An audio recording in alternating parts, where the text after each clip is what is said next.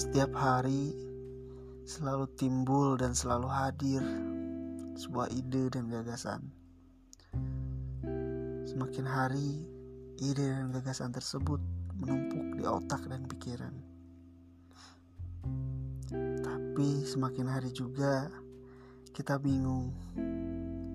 Bingung harus bagaimana mengekspresikan, bingung harus bagaimana merealisasikan.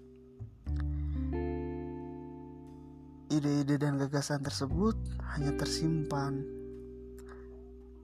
tapi tidak pernah menjadi kenyataan. Apa yang salah? Tidak ada yang salah. Lebih baik berpikir untuk menemukan sebuah gagasan daripada tidak sama sekali. Namun, untuk merealisasikan tentunya lebih baik walaupun kita tidak tahu kesuksesankah atau kegagalan yang akan dicapai dari menjalankan sebuah ide dan gagasan tersebut. Tapi intinya kita harus tetap berjalan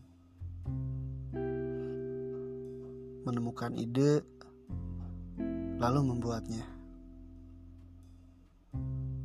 Percuma ide dan gagasan terlalu banyak, tapi tidak ada satupun yang terrealisasikan. Tapi percuma juga jika ingin merealisasikan tanpa ide yang besar. Intinya, ide yang besar harus dengan ekspresi yang besar juga.